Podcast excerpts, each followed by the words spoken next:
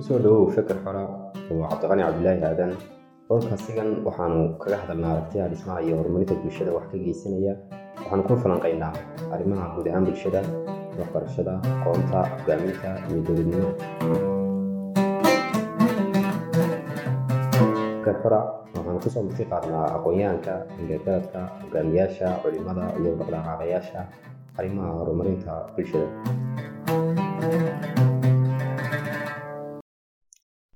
ugu horreyn ku soo dhawow qoraa faarax maxamuud ee feker xora broadcast.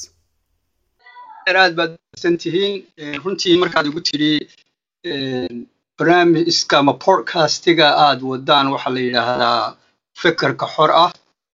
Runtii waxyaalaha adduunka africa dib uga reebay ama wadamadan carabta waxaa la yidhahda waxa waa fekerka xorta ah. Haddii bini aadamku aanan feker xora lahayn duwana xoolaha waxaynu xayawaanka kaga duwannahay waa fekerka xorta iyo inaynu wax ixtiraaqno ama wax samayno. Marka su'aashaadii haddaan u noqdo oo ah doorka qoraaga uu ka leeyahay uu ku leeyahay maaragtay wacyigelinta amaba inuu bulshada wax ku soo kordhiyo aad ayay muhiim u tahay. Runtii anigu waxaan idhaahdaa guud ahaan qoraalka keliya maahe ama gabay ahaato ama suugaan kale ahaato ama riwaayad ahaato hal abuur baan isku idhaahdaa waxaweye wixii hal abuura waa waxyaalaha dadka fekerkooda ayuu ayuu kobciyaa siyaasaddu sharaxaa. Waxyaalo badan oo bulshadu nabaro ay tebayso ama ay qarsanayso ayuu bannaanka soo dhigaa. Haddii bulshada taa laga waayo ama dhulka ay ka jirto caburinta ka soo qaad. Kasoo qaad caburinta ay ka jirto iyo dictatorshipka badanaa dadka maskaxdoodu ma korto wixii caburinayay haddii ay waayaanna waa kuwa istilaa sida soomaaliya ka dhacday oo kale. Marka caburaadii faraha ka baxdo si kaloo ay isu kontroolaan amaba ay isu maamulaan ma garan karaan oo ah inaan tahayn caburinta marka runtii haddii qodobka ah inkastoo aan kudhi waa hal abuurka guud markii laga hadlayo waxyaalo ka badan oo dadka wacyigooda ka hadlaya haddii aan u soo noqdo ta ah qoraalka. Runtii waxaan aaminsanahay anigu shaksiyan waan ku dadaalaa haddii aad qoraysid buug buuggaagu waa inaadan u qorin inkastoo buugtayda qaar aan qoro sida saxarlo oo kale dadka dhallinyarada waxay yidhaahdaan buug faneed. Runtii fan umaan qorin. Fan markii dhinac laga eego wixii aad ku raaxaysanaysid ama ku qiiroonaysid markaad akhriyaysid waa fan waa noqon kartaa. Laakiin runtii ujeedada ka fogi waxa weeye soo bandhigga bulshada tabashooyinkeeda. Kulligood gabadh maalowto waraysanaysaa waxay tidhi guri walba saxarla way joogtaa guryaheenna soomaalida. Waxayna ka watay dhibaatada hablaha yaryar lagu hayo. Guri aanay ka jirin ma jirto. Marka runtii sida aan u arko waxa weeye buug haddaan ka hadlo buugta matalan ka soo qaad saxarla haddii aan ka hadlo araweelo haddii aan ka hadlo dhakadhako maqaan inaad aragtay xusuus qarkii dhakadhako haddaan ka hadlo camilana somalikaad xasuus qor waxaasoo dhani waa wax bulshada taabanaya laakiin haddaad qoraa tahay oo uusan dareenkaaga aadan gaadhsiin karin bulshada ma aha inaad tidhahdid ninkii buug buu qoray ama gabadhii buug bay qortay. Wax weyn ma soo kordhinayso. Waa inaad ummadda raad kaga tagtaa waxaad qortaa ay noqdaan wax raad leh marka run ahaantii haddaad eegtid dadka adduunka wax ka beddelay qoraalka ama buugta la qoro adduunka wax weyn bay beddelaan ha ahaato siyaasad siyaasad keliya maaha buug adduunka jacayl ah oo jacayl laga hadlay maaragtay sida buug markii dambe laga sameeyey filimkii la odhan jiray casablanca ayaa jira. Kulligood wax siyaasada ama dagaal markaa socday dabada ku hayaan. Laakiin hab jacayl baa loo ekeysiiyey haddii aynu dib ugu soo noqonno riwaayadaheennii sidoo kale debrigii dambe markii la mamnuucay waxyaalaha wacyigelinta ayay ka hadlayaan haddii aan buugga kan saxarla dib ugu soo noqdaan in badan ka hadlo oo dhalinyaro badani akhriday. Dad badani waxay xoogga saaraan oo ay yidhahdaan waa sheeko ka hadlaysa inan yar iyo dhibaatadii ku dhacday runantii markaad si fiican u aragto waxaad arkaysaa siyaasadna uu ka hadlaya. Uu ka hadlayaa wixii beryaha socday wixii dadka dhibaatadii loo geysanayey wuxuu soo gaadhayaa dagaaladii sidii soomaalidu u burburtay oo dowladdii markaa jirta u burburtay. Wuxuu ka hadlayaa qaxii iyo jabkii wuxuu ka hadlayaa cadaalad darrada guud ee lagu hayo dumarka. Ayuu ka hadlayaa. Marka haddii qofku wax qorayo waa inaadan aad eegtid marka mawduuc markaad dooranaysid ama ataad gabadh yaroo arranjaa baan ka hadlayaa. Leeleelkeedu waxba kuu tari maayo.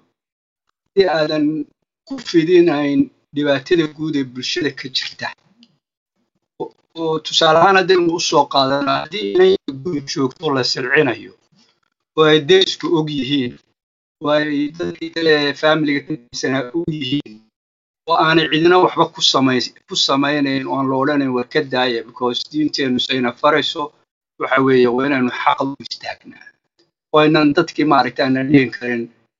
Inantan yaree saad ku wadaan waa xaqdarre ka daaya oo markaad aragto aad gabadh yaroo deriskaaga oo aradan oo kabala oo reerkii ay la joogtayna carruurtooda wada xaragoonayso qofka bini aadanka waa inuu isweydiiyaa yidhaahdaa reerkanu miyaanay muslin ahayn maxaa inanta yar sidan loogu gelayaa. Waa inay jiraan dad u soo baxaa oo u istaaga cadaaladda marka runtii ta kale waxyaalaha dhaqanka ah oo markaynu ka hadlayo buugta ka soo qaad bulshada fikirkeeda uu ka bedelo haddaan u soo qaato tusaale ahaan araweelo araweelo waxaynu u naqaanay amaynu ku soo gaadhay sheekadu islaan yaroo waalan oo ragga cadibta oo xiniyaa ka jirta oo qaati laga taagnaa wax qoran oo aynu raacnay oo nidhaahno war waxaana laga qorana ma jirto waa sheeke laysi soo gaadhsiiyey. Laakiin runtii hadda soomaalidu way baxday qur baa la tegey meelo badan baa la tegey carruurteennii sidii hore maaha dadka waxbay barteen. Waa inaynu isweydiinaa horta kuwiin araweelo tumay ahayd ma ka jireen sheekadeeda ma kordhin karnaa? Sheekadeeda ma kordhin karnaayo ma odhan karnaa boqorad soomaaliyeed bay ahayd. Ma dhihi karnaa aynu ku faanno oo aynu nidhaadno marka dee qolyahan kale boqoradooda iyo boqoradooda soo bandhigaan. Inaynu nidhaadno annagoo boqorad waanu lahay. Kuwiin araweelaa la odhan jiray intaasoo sannadood oo ka horreysay kumanaan sano ka hor bay markaan arko aad bay ugu faanaan gabadha boqoradda ahayd. Hadda haddaad facebook ama meelo kala baadhid waxaad arkaysaa gabdho badan oo profilku u saaran yahay. Sawirkii aan sameeyey markaan buuga qoray kuwiin araweelo ama boqoradda araweelo way ku faraxsan yihiin. Runtiise waxaa la rabay inay iyaga laftooda habluhu ka fekeraan sheekada halkaa ma laga sii fidin karaa sheekadu waa hal abuur haddii la yidhaahdo saxarle araweeladii labaad baa timi. Maaha dee araweelo uu la leeyahay raggay la dagaalamaysaa laakiin araweelo bulshada wax ka bedelaysa nolosha rag iyo dumarba. Because cadaaladda aynu ka hadlayno sidaan araweelo u qoray waxa weeye in raggii waktigaa gabeen xilkii saaraa dagaal la dhaceen dhibaato dhacday kadibna ay araweelo u soo baxday raggii mushkiladaha waday xabsi ku gurtay malaha hadda waktigan la jooga loo baahan yahay araweelo kaloo soo baxda taasay ku bilaabanaysaa runtii marka waa waxaynu ku faannaa buugta adduunka aynu akhrino dad baa wada leh. Waad soomaalidu ku mahmaado biyo sacabadaadaa looga dhergaa. Innaga teenii ama fekerkeenii maanta aad soo bandhigteen bodcastiga kan. Muhiimadda waxaynu leenahay intaadnu dhegaysan lahayn kuwa dad kale leeyihiin.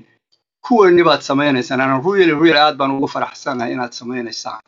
Waayo waxaagii baad soo bandhigaysaad adigu iska lahayd.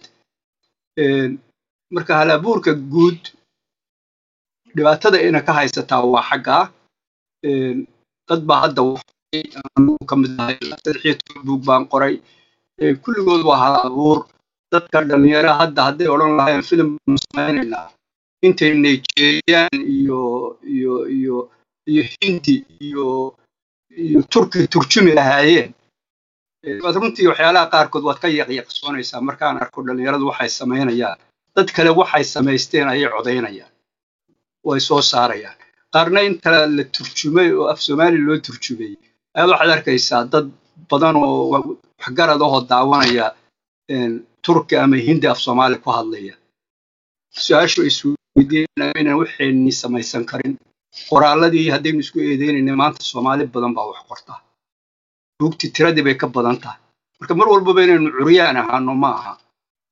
Waa sidaa hadda tallaabadaada qaadeen inaynu podcast adduunyadu wada samaysa aynu samayn karno. Runtii qoraalku in sheekadii la soo bandhigo mooyaane waxay samayn kartaa oo fili kartaa ama filin ha laga sameeyo ama riwaayad ha laga sameeyo. Kordhinta ama kobcinta inay bulshada inteeda kale si kale u gaadho ayaa muhiima taas waa meesha hadda aynu ka liidano oo aad iyo aad uga liidano halabuurkii kale ayna ka lumay. Dhalinyaro badan markay wax qortay beri dhexdaas aad u qori jireen. Markay arkeen inaan qoraalkoodii meel fog gaadheen halabuur kale lagu darayn way ka caajiseen. Waayo qofka yari markuu la galgasho isagoo waddankii jooga hal buug uu soo saaro. Oo halkii buug markii euro kobiyaal laga kala qaato dhaqaalina ka soo geli waaya dee marka dambe wuxuu leeyahay maxaa leeyahay maxaan isu wareerinaya laakiin anigu waxaan dadka dhalinyarada ku odhan lahaa horta buug looma qoro dhaqaale ka hel buug dhaqaala kaa gala ee dhaqaale laguma helo waxyaalaha aad ka faa'iidaysid koob dadkaabaad waxaad u soo bandhigaysaa marka maqnaan talabaad waxa weeye adiga wuxuu kuu yahay xirfad. Buugga koowaad markaad soo saarto iyo ka labaad markaad soo saarto isku xirfad ma tihin inta hore waxa weeye xiise iyo xamaasad iyo bal hebel baa buug qoray adiguna qor laakiin ka koowaad iyo labaad saddexaad afraad markaad baabuurka sida loo wado baranayso ayaamaha hore waad la dhacdhacaysaa. Laakiin de markii dambe sidii sidii loo oran jiray bidixdaad ku wadaysaa kama weyweysid inaad la dhacdhacdid marka runtii anigu waxaan lahaa dhalinyaradu inaanay horta ka niyad jabin inaanay buugta lacag ka helin. Buug horta lacag ka heli maysa laakiin waxa weeye kow inaad marka hore aaminsan tahay inaad dadkaaga kan aad wax u qabanaysid aad soo saartay aad wax ugu qabanayso ay kaa faa'iideeyaan dhalinyaro badan ee akhrisanayso. Bilaash u bixi.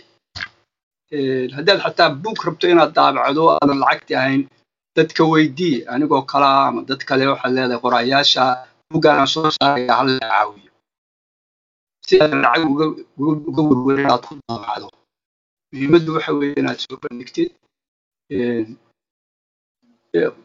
qoraalada runtii markaan dib ugu noqonno waxay u kala qayb qayb anigoo aan rabin inaan ka leexdo su'aashii aad weydiisay qoraalku wuxuu kala qaybsamayaa dee inuu noqdo ama taariikh ama uu noqdo waxyaalaha kan hal abuurka ah sida fictionka buugta ah sida saxarlo oo kale waxau noqonayaa kuwa carruurta inuu noqdo kuwa carruurta oo kale. Kuwa laftooda hadda waxyaalaha ayna haysato dhibaatada ugu weyn soomaalida wax carruurta loogu talagalaa ma jiro. Waxaad arkaysaa meel kastoo carruurta la keenayo buug ama carbeed oo runtii mararka qaarkood waxay isku qaldaan soomaalidu carabi iyo diin bay isku qaldaan. Anything oo carabi ku qoran waxay haystaan inay diin tahay showyada carabiga ayaa carruurta ay daawanayaan. Ma arkaysid hadda show soomaali leeyahay ama qof soomaaliya intuu qoray show laga dhigay amaba buugtii soomaalida hadda dadka iyaga buugta carruurta qoray iskuullada kurokalamkii ama kuma jirto laguma daro buugta in lagu dhigo iskuulaadka. Waxaa bug soomaali qortay waxaan ku kalsoonay inay taasu jirto ay xaqiiqo tahay waxaa soomaali bug qortay inaanay ku jirin proclamka amaba manhajka iskuullada inaanay ku darin. Inkastoo hadda buwaagta dee hal abuurka waxaan dhihi karaa dadkii dhigi lahaa laftoodii baa in la helo oo wixii markaad ka hadlayso sida wax loo qoro qoraallada fikirka qoraallada haddaanu jirin macallin ku takhasusay waxaa way adkaanaysaa in la helo markaa qof dhiga. Laakiin runtii inay bulshada weydiiso qoraalka lagu bilaabo yaraan. Hadda waxaanu ka hadlaynaa muxuu bulshada ka bedelayaa? Waddamada horuu maray hadda waddankan maraykanka aan joogno iyagu carruurta iyagoo yaryar oo markaa qalinka sida loo qobto bartay baa la odhanayaa sheeko soo qor. Gurigaagii markaad aad tagtay maxaad soo aragtay shalay? Sheekadu halkaasay ka bilaabanaysaa. Fekerka inuu qofku qori karo maskaxdiisa cabiri karo. Uu maskaxdiisa cabiri karo. Halkaasay ka bilaabanaysaa. Laakiin haddaan qofka maskaxdiisa la challenge garayn ilmihii ama ha yaraado ama ha weynaado qoraalkaagu weligii toosi maayo. Marka runtii ama ha ahaado qof yar ama ha aado qof weyn waa inaynu heli karno qoraallada kow in iskuulaadka wixii dadka soomaalida qoreen lagu dhigo waa muhiim. Talabaadna waxa weeye inay jiraan dad dhigi karaa qoraalkii oo ah soomaaliya. Dhulka kan waxa la yidhahda literature ama teacher macallinka dhigi karo qofka ardayda la odhan karo soo qora waxaas ama sheekooyinka noocaasa hadhowta kuwaas baa waxay noqon karaan dadkii qoraalka wanaagsan qori lahaa. Inuu marka intayadatan hadda joogtaa tagto adduunkan waa la isbedelayaa. Waxay noqonayaan dadka wax qora. Waxay noqonayaan dadka ku dayda maaragtay kuwii ka horreeyey siday wax u qoraan. Laakiin haddii aanay jirin oo wax laysu gudbinaya aanay jirin buugteennuna dadkii soomaalidu qorayna aanay maktabadaha dhaafin. Waxa weeyaan ma jirto meel uu qoraalkeennu ku hana qaadi karo. Runtii midaan ku talin lahaa waxa weeye laba arrimood oo jira oo ah xagga qoraalka ah oo ah soomaalidu ay ka baqaan oo ah siyaasadda inaanay kaga hadlin oo siyaasadda soomaalidu kale waa iska sensitive. Haddaad nin wax ka sheegto siyaasiya reer baa wax laga sheegay. Intaynu halkaa taaganahayna maskaxdeennu kori mayso. Waayo qofka siyaasi maxaa la odhan jiray? Nin nin durbaan qaatay cilaaq dalbe haddaad intaa durbaan tuti yaan lay maqlin. Waxa weeyaan waa dhibaato. Marka dhaqankana ah waxyaalaha hortaagan in siyaasadda wax laga qoro waxaa ka mid a inaynu cabsi qabno haddaynu wax ka sheegno nin siyaasi amaba siyaasadnimo markaa jirta. Haddaan ba lagu xidhinba annagu iyo qofka laftigiisa dee wax qoraya oo is odhanayaba waa dad baa taageeradoodii waayi doontaa ama reer hebel baa lagu shaambadayn. Way jirtaa waa runta waa runta. Marka runtii su'aal waa arrin wanaagsan weeye. Qofkiiyo sumcaddiisii u baqaya. Odhanaya war waxa kan dhibaat maanta dee anigu waxaan joogaa hadda maraykanka. Waxaan idhaahdaa wax weyn yeeli mayso markaan haddaan imaado ama dhulkiio amaan hadda haddaan idhaahdo magaalada hargeysa meel walba xashiish baa yaalla hadda haddaan idhaahdo halka kan. Waxa laga yaabaa inaanay wax weyn aniga yeelin laakiin qof hargeysa joogo la yaqaanaa. Waxa leeyahay cid buu duraya. Ujeedo kaluu leeyahay maaragtay. Magaalo kastay noqon kartaa. Marka waxa weeyaan runtii ku dhiirashada dadna waa mana raacsan anigu dadka u qora wax hebel ka aarso ama damac siyaasadeed u gal. Qoraalkuna waa inuu ahaadaa dan guud. Haddaadan danta guud waxba ugu tarayn. Waxba wax macnaa kuma fadhiyayo kama duwaneed qolyaha la yidhaahdo waxbaa lagu shubtay iyo noocaasoo kalead noqonaysa. Laakiin runtii ana waxaan leeyahay in lagu dhiirado inaan marka ugu horeyso haddii siyaasad aad wax ka qorayso aanad cadaalad darro ku bilaabin oo dad cadaalad darro ku bilaawdid oo dad u jeedid. Sheekadaadu mahana qaadayso. Dee waxa lagu leeyahay waa ku fahni ta kalena waxa weeye dee wax kasta oo bulshada. Ta kale oo ah wax kasta oo bulshada. Xumaanteeda hadda waxyaalaha aynu ka hadlayno. Ama guur ha ahaato ama kufsi ha ahaato ama ha ahaato carruurta la silcinayo ha ahaato ama tuuga ha ahaato waxay doonto ha ahaato haddii aynan haddaan laga hadlin weligan buursan mayno runtii waxaa jirtaa odhaahdan soomaaliga ah. Waan aad u jecelahay runtii oo la yidhaahdo milil korkii lama dhayo. Milil korkii lama dhayo. Waxa weeye waa waa waa muhiim inaynu fahanno odhaahdaas wixii laga wado. Waayo haddii dhibaatada jirtaa haddii dhibaatada jirta aynan si wanaagsan u gudagelin oo wax ka qaban. Weligeed ma xallismayso. Aan waxyaabaha aan sheegay ka mid ah. Oo haddii aynu nidhaahno war arrintan kufsigoo kale yaan laga hadlin amaba xanuunadan hadda socda ee caabuqan covid nineteen dhibaatada ay dadka ku hayaan yaan laga hadlinoo haddii la yidhahdo meel heblaayo ha la xidho ama waxaa ha la sameeyo cid baa loola jeedaa marka runtii muhiimaddu waxa weeye bulsho ahaan waxaa loo baahan yahay gaar ahaan dadka dhallinyarada qora wax qora inay ku dhiiradaan arrimaha noona inay ku dhiiradaan inay waxyaalaha bulshada ee u baahan toosinta aan laga birin oo lagu dhiirado laakiin sidaan sheegay waa inaanay ahaan waxaad cid ula jeedid amaba aad cid ku duraysid. Iminka caqabad kalena way jirtaa. Iyo tusaale ahaan waa reactionka dadka ka soo noqda marka bugaagtan fictionka ay akhriyaan sheekafaneed iyo ama indhaha ay ku eegayaan oo dee dad badanba way taabatay tusaaleahaan gurac oo khadar cabdi cabdilaahi qoray jixo maalin dhaweyd la haystay beri dhaweyd waa qaabka ay u eegayaan dadku fictionka oo ama ha layidhaha dhaqan xumo lagu gudbinaya ama taasoo kalena waa taagantay. Horta adar hadalkan aan isticmaalay waxa weye runtii markaad ka hadlaysid wax bulshada aan qoraalku ka hana qaadin waa lagaa hor imanaya. Maalin video waxaan ka daawanayay inaan buug soo bandhigay oo nin aan isri malaa waa sheikh uu dhirbaaxo la dhacayo laga qabqabanayo. Oo markii dambe arrintii sii tixraacayna waxay ahayd inanka buugga lagu haystay.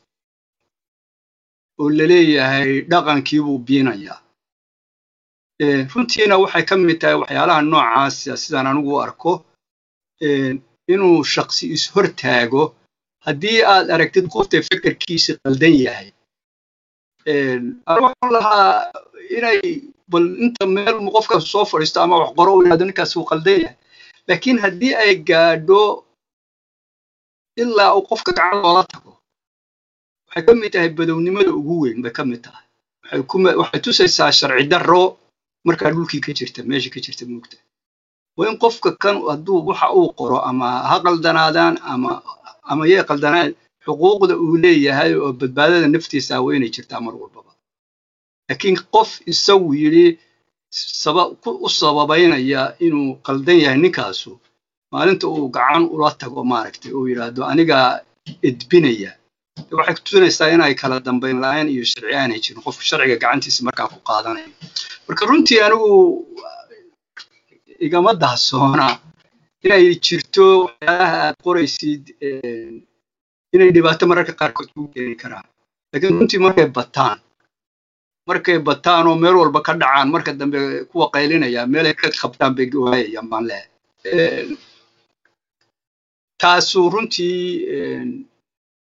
hadda waxaa iyaduna maaragtay runtii mudnaan mudan. Hadda waxa weeye badanaa inta wax qorta waxaan arkaa rag bay u badan yihiin inamay u badan yihiin habluho iyo haweenku iyaga laftoodana waa muhiim inay wax qoraan. Dhibaatooyinka aynu ka hadlayno badanaaba haweenka iyo carruurtay ku dhacaan. Haddii markaa rag uun laga sugo inay keligood wax qoraan ama ay ka hadlaan runtii waxa maqan dadkii dhibaatadan ku dhacaysay laftoodii baa meesha ka maqan. Runtii waxaan odhan lahaa wax badan oo ay inuu ka xog ogaalsan yihiin baa jira in wixii ay ka hadlaan in wixii la qoro inaan laga gaban wixii qofku u arkaayo xaq sidiisaba. In qofku wuxuu u arkaayo xaq aan laga gaban ee laga hadlo waxa weeyaan waa shay muhiima. Shay muhiima weeyaan sidaan anigu u arko. Run ahaantii qoraalku iska daa qofka daawanaya qofka qoraya wax buu siiyaa maaragtay. Qofka akhrisanaya keliya maaha qofka qoraya ayuu wuxuu siiyaa xornimo. Xornimada uu siiyaana waxa weeye inuu soo bandhigay wixii uu gocanayay hadda tusaale ahaan haddaan u soo qaato qoraalkan iyo xagga ku dhira qof baa ka soo qaad reerkiisii iyo dhibaata isaga noloshiisa soo martay qofkaas. Dhaqankeennu inuu buug qoro oo ka hadlo wixii ku dhacay waxaa loo muujinayaa inay tahay inuusan qofkaas xor u ahayn. Kow hadduu sheegay dhibaatooyin loo geystay in isaga loo arko markaa uu hadlo inuu reerka guud dhibaato u geystay. Oo dhaqankeenna waad aragtay qof baa hadda social mediadoo kale laba qof baa isku qabsanaya ama qof baa wuxuu ka hadlayaa arrin buu ka hadlayaa. Arrintaas waxay u ekaanaysaa in reer loo geystay iyadoo laga fekerayn inay tahay dee labadan qof ama qofkan keligii waxaan ka hadlay inay wax shaksiya u leeyahay. Runtii kama boodsani in dhaqankeennu sidaas yahay inuu weli yahay dhaqan dee adduunyada tan isbeddeshay aanu ahayn. Laakiin runtii qofka sharc xuquuqda qofku u leeyahay inuu fikirkiisa ku cabiro aniga waxay ila muuqataa inay tahay wax aad iyo aad muhiim ah. Wax aad iyo aad muhiim ah. Ma haddaanu isagu dad kale markaa ku xadgudbin. Sidaan sidaan marka aniga aan arko. Melihi qofku ha ku dhiirado inuu isagu qoraalkiisa ku cabiro waxyaalo iska mala awaala uu sameeyey iyo xadgudub uu dad kale u geysanayo. Waan gartay gunaanadkii talooyinkaaga ugu dambeeya. Walaa horta adeer waxaan siin lahaa badanaaba waxaa jirtaa laga yaabaa inuu qof dhallinyaraa yidhaahdo buug baan qoraya isagoon weligii buug aqriyin inaad buug kale qortid oo ay caado ku noqoto muhiim bay waa muhiim. Waayo waxay ku tusinaysaa waxay ku siinaysaa dareen ah ama hadda qoraa kasta weliba de haddaan ka hadlo soomaalida. Mid kastaaba markuu wax qorayo si gaaru wax u qoraa style karuu wax u qoraa sida sheekadiisu u farshaxamaysantay way kala duduwan tahay. Marka kulligood inuu qofku akhriyo waa muhiim hadduu rabo inuu wax qoro ka soo qaad sheeko malawaalo amaba sida la yidhaahdo halabuura hadduu rabo inuu qoro inuu qoraayaal kale oo kala duwan uu akhriyo sheekooyinkooda kadib waxay tusaysaa wadiiqooyinka ay qaateen markay sheekooyinka qorayeen. Runtii tan waayo way adag tahay inaad qoraa fiican akhrido aad noqoto haddii aadan waxba akhrin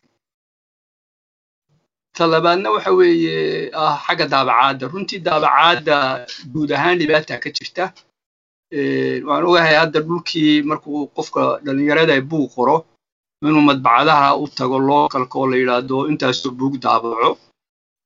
Markaad intaasoo buug daabacatana intaa bixi. Laba arrimoodba way ku imanaysaayoo isagoo aan lacagtii markaa hayn iyo iyo inuu siduu lacagtu u soo celin lahaa buuggu iibin lahaa. Labaduba dhibaatadaas ay leeyihiin.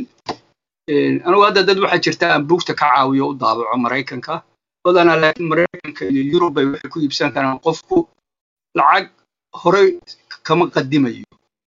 Markii la iibiyo unbaa wixii aan ugu daabacay qofka wixiisina u noqonayaan kambanigii daabacay sidaas oo kale. Marka runtii maanta sidii hore maaha opshano badan baa jira. Qofku uu samayn karo inuu buug daabaco. Runtii muhiimaddu waxa weeye siduu horta marka ugu horreysa buug fiican isugu geyn lahaa. Daabacadduna talooyin badan maanta wuu heli karaa. Cid badan buu ka heli karaa talooyin badan. Ugu dambeyn adigoo hal kelmad ka soo koobaya xilka saaran qofka qoraaga ah ee bulshada ka saaran. Horta runtii markaan qoraalkayga bilaabay buuggii ugu horreeyey aan adeer qoray waxaa la yidhaahdaa xasuus qor. Somalia timelines berigii dagaalkii sokeeyey soomaaliya ka socday dhibaatada ugu weyneed joog jirtay baan qorahayay ilaahay wuxuu isolonshiyey waktigaa anigu dareenkayga gaarka ah iyo siyaasadda saan u arkayey inaanan la safan markaad dareenkaaga la safato ayaa dhibaato ah hadaad qoraad tahay waa inaad dareenkaaga ka bannaanka ka istaagtaa waayo wuxuu kuu hoggaamin karaa aragtidaadu unbuu raacaya adiga iyo dareenkaagii baa isku saf noqonaya. Marka waxa aad gudbinaysa kama madax bannaanaad ka madax bannaanaan maysa marka waxa weeyaan wax kastoo aad qorayso marka ugu horreeya hadaad qoraad tahay ka fikir in aadan waxa aad adigu aaminsan tahay aanay hoggaan kuu noqon. Waayo waxaad aaminsan tahay haddii aad kuu noqdo hoggaan waxaad soo saartaana waa waxaagu unbay noqonayaa maaha waxa bulshada inta kale anfacaya runtii waxa weeye waxaan idhaahdaa waa inaad ku sugnaataa cadaaladda qoraalka. Waa inaad ku sugnaataa farshaxankaaga iyo xeeladaada qoraalkana waa inaad mar walba kordhisaa ila waxaa jirta mararka qaarkood hadda waxbaan iska qoraa buug baan qoraa. Muhiima inaan soo saaro. Oo kuwa badanoo waxaan intaan qoray aanan soo bixin baa jira. Laakiin wuxuu siinayaa farshaxanimadaadu kordhinaya laakiin haddaad tidhaahdid buug baan qorayaa waan qoray waa inuu soo baxaayo ood barasha aad saartid isku noloshaada cadaadisid waa dhibaato. Waxa weye qoraalku waa inuu caado kuu noqdaa? Taa kalena waa midda ah cadaaladda. Ta kale waa inaadan ku ahaan qoraalkaaga. Waa inaadan masuug ku ahaan. Haddii qof weydiiyo talo iyo haddii xataa buugtaada lagu weydiiyo in qofku yidhaahdo dhallinyaro ah lacag ma haystee sii buugga aniga badanaa waxa buugteeda dhallinyaro soo weydiisaa buuggaaga b d f ma noogu soo diri kartaa runtii sida somali library dadkan baan malinaya nin dhallinyaro ay sameeyey isagoo dhan baaba ku jiro b d ah laga akhrisan karo aniga sanad kii laba nuqul baad. Uganda igu soo gaadhay oo adii soo dirtay. Or waa ninkii uganda. War waaba ilaawey ka waran waxaan waxaan bixiyey xataa ma xasuusto. Si fiican baan u xasuustaa halkaasay noogu egtay qaybtani aad baan kaaga mahad celinaynaa faarax maxamuud. Waqtigaa qaaliga aad noo soo hortay